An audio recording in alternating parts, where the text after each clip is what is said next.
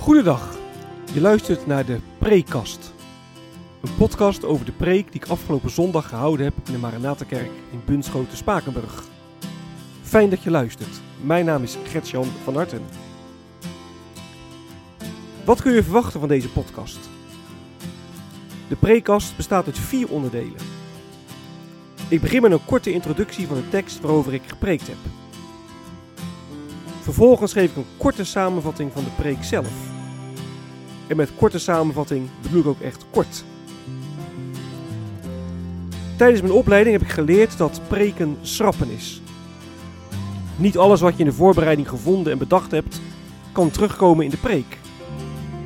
Wat heb ik laten liggen wat het overdenken wellicht waard is? Daar wil ik het over hebben in het derde deel van de preekkast. En tenslotte sluit de preekkast af met een aantal verwerkingsvragen.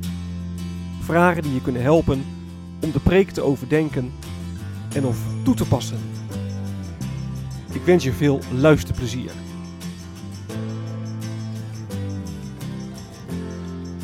De tekst.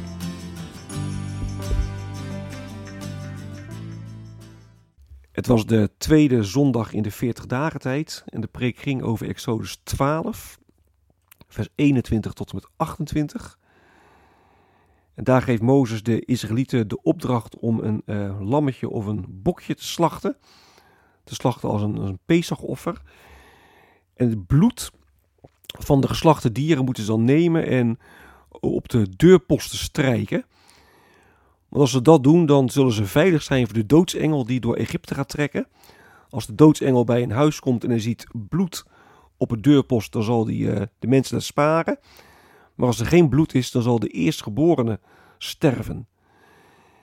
En dan zegt Mozes, dit moeten jullie uh, in ere houden, dit feest, dit Pesachfeest. En iedere keer, als je, als je straks in het beloofde land bent, en iedere keer als je het viert, dan zullen je kinderen vragen, maar waarom doe je dit nou? En dan moet je uitleggen waarom uh, we dit doen. Dan moet je uitleggen dat God ons uh, zo gespaard heeft toen we in Egypte waren. De Egyptenaren werden gestraft en wij zijn toen gespaard, moet je dan zeggen. Uh, al dus Mozes. En dan eindigt het met, toen knielden, de Israëlieten, toen knielden de Israëlieten en bogen ze zich diep neer. Daarna gingen ze uiteen en deden ze wat de Heere aan Mozes en aan Aaron had bevolen. De preek.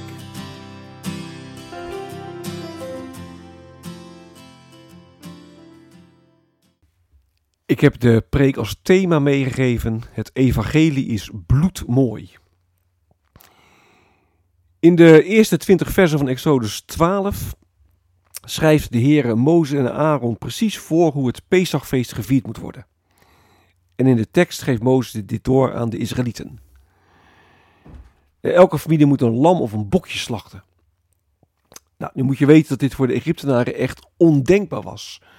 Want lammetjes en bokjes werden door hen als, als goden gezien. He, dat waren heilige dieren. Nou, de Heer zegt, die dieren moet je slachten. De Heer zegt dus als het ware, je moet het mes in de afgoden zetten. En dit is een wezenlijk onderdeel van het evangelie. Hè? Afgoden moeten uit ons leven verdwijnen. En er kunnen heel veel dingen zijn die op zich goed zijn, die ons leven de plek van God gaan innemen. Gaan innemen. En dan, ja, dan worden het afgoden. En dan denken wij dat afgoden ons gelukkig gaan maken, in plaats van dat de Heer dat doet. Nou, bij het Pesachfeest laat de Heer zien dat afgoden moeten doodbloeden. Nou, welke afgod moet er uit jouw leven verdwijnen? De Israëlieten moeten een lammetje of een eh, bokje slachten. En daarmee laat de Heer zien dat wij niet, niet zomaar met hem kunnen omgaan. Er moet bloed voor vloeien. En daarmee laat de Heer ons de ernst van de zonde zien. Nou, nu hebben wij dat niet altijd door. We kunnen soms zomaar aan, aan zonde wennen. Dan halen we onze schouders op en zeggen we, ach, ik doe wel verkeerde dingen, maar ja, niemand is volmaakt. Zo is het toch? Maar God, die, die haat de zonde. En hoe erg hij de zonde haat, dat zien we in het leven en in het sterven van Jezus Christus. En dat enorme lijden, dat was nodig om onze schuld te verzoenen. En zo brengt de 40 dagen tijd ons tot, tot verontmoediging. Het maakt ons klein richting de Heer en klein ook richting elkaar. We moeten allemaal leven van genade. We hebben geen enkele reden om ons beter te voelen dan, dan wie dan ook maar. Nou, de Israëlieten moeten het bloed van de offerdieren aan de deurposten strijken. En dan zal de doodsengel aan het huis voorbij gaan. Maar wanneer er geen bloed aan de deurposten gestreken zit, ja, dan zal de doodsengel de eerstgeborene van dat huis doden. En hiermee leert de Heer zijn volk dat er alleen redding is door het bloed. Het bloed dat op de posten gestreken moet worden, ja, dat verwijst naar het bloed van Jezus Christus. En Jezus is het ware offerlam, het offerlam dat onze zonde wegneemt. En in de dood van Jezus zien we ook Gods grote liefde schitteren. Het bloed kruipt waar het niet gaan kan. God liet liever zijn zoon sterven dan dat hij ons zou moeten veroordelen. Nou, in de 40 dagen tijd denken wij aan het lijden en sterven van Jezus.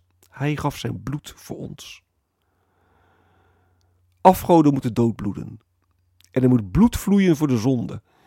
Zo worden wij gered door het bloed, het evangelie. Het is bloedmooi. Wat is blijven liggen?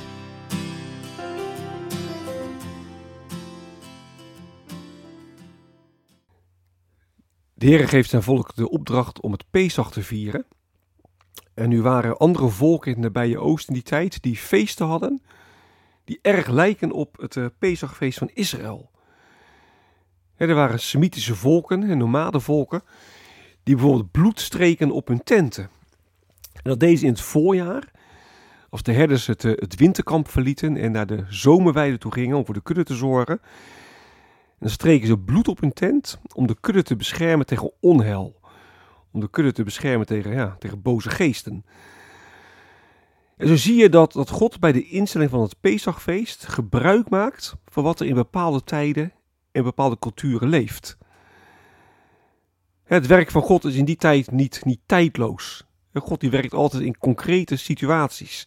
Daar rekent God mee. Daar maakt hij ja, gebruik van. Van wat er in de tijd in de cultuur leeft. En je kunt erover doordenken wat dat nou betekent voor nou, hoe wij de cultuur beoordelen. Hoe kijken we aan tegen de cultuur? En in hoeverre maken wij er gebruik van of proberen wij bepaalde elementen te, te transformeren? Kijk, in de kerk wordt heel vaak uh, negatief over de cultuur gesproken en, en uh, heel erg waarschuwend. Alsof cultuur alleen maar gevaar is. En iets waar je tegen moet, uh, moet zien te weren.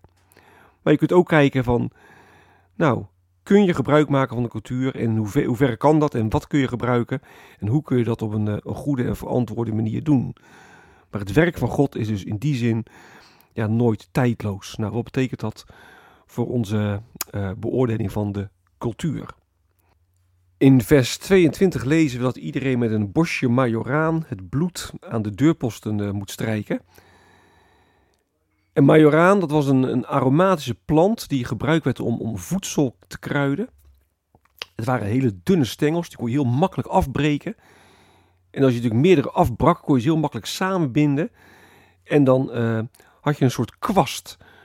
Want de majoraan had hele harige blaadjes die, ja, die vocht vasthielden.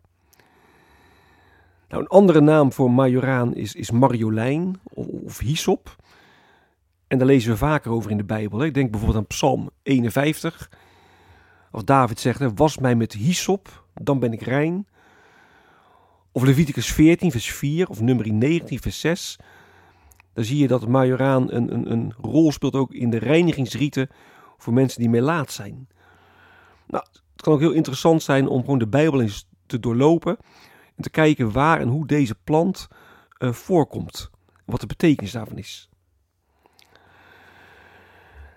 Nadat de Israëlieten het bloed aan de deurposten gestreken hebben, moeten ze binnen blijven. En dat staat echt heel nadrukkelijk, het slot van vers 22. Ga dan tot de morgen de deur niet uit, want de Heere zal door Egypte heen gaan om het te straffen. Dus de Israëlieten moesten binnen blijven. En daarmee laat God zien, kijk, ik ben het die bevrijdt. Ik zorg voor bevrijding. He, jullie hebben dat niet zelf gedaan. De uittocht is echt alleen maar aan mij te danken. Jullie hebben daar geen enkele rol in gespeeld. het laat ook zien dat uh, de, Israëlieten, geen getuigen zijn als de Heer het oordeel uh, voltrekt aan de Egyptenaren. En dat oordeel is echt iets van de Heer. Dit is de Heer die, die wreekt. Dat mogen wij mensen dus nooit doen. Dan lezen we eh, dat um, Mozes de, de Israëlieten de opdracht geeft om het um, de kinderen ook uit te leggen wat de betekenis van Pesach is. En Mozes zegt, je moet ook aan, aan jullie kinderen steeds altijd weer vertellen waarom we dit feest vieren, wat het betekent en wat het inhoudt. En zo zie je dat iedere nieuwe generatie steeds weer moet, moet leren over wie de Heer is. Steeds weer moet horen over zijn, zijn grote daden. Dus zo'n feest als Pesach vieren, dat is maar niet het in ere houden van een voorschrift, maar het is het levend houden van de betekenis van het feest. Helemaal aan het slot van uh, Exodus 12, vers 27 tot 8, 21 tot 28 staat: Toen knielden de Israëlieten, toen knielden de Israëlieten en bogen ze zich diep neer. Daarna gingen ze uiteen en deden wat de Heer aan Mozes en aan Aaron bevolen had. Het volk buigt, ze, ze stemmen in met wat de Heer zegt en zegt doen wat hij heeft bevolen. Zo zie je dat aanbidding en gehoorzaamheid, dat dat bij elkaar hoort. aanbidding alleen met woorden, dat is niet wat God vraagt. Jacobus zegt in zijn brief, geloof zonder werken, dat, dat is doodgeloof, daar heb je niks aan. Nou, een, eh, een, een mooi en bekend lied zegt, geen woorden, maar daden. Eigenlijk moet misschien wel beter kun je, als het om geloven gaat, beter zeggen, woorden en daden. Dus niet geen woorden maar daden, maar woorden en daden. Het hoort bij elkaar. Aanbidding en gehoorzaamheid. Verwerkingsvragen.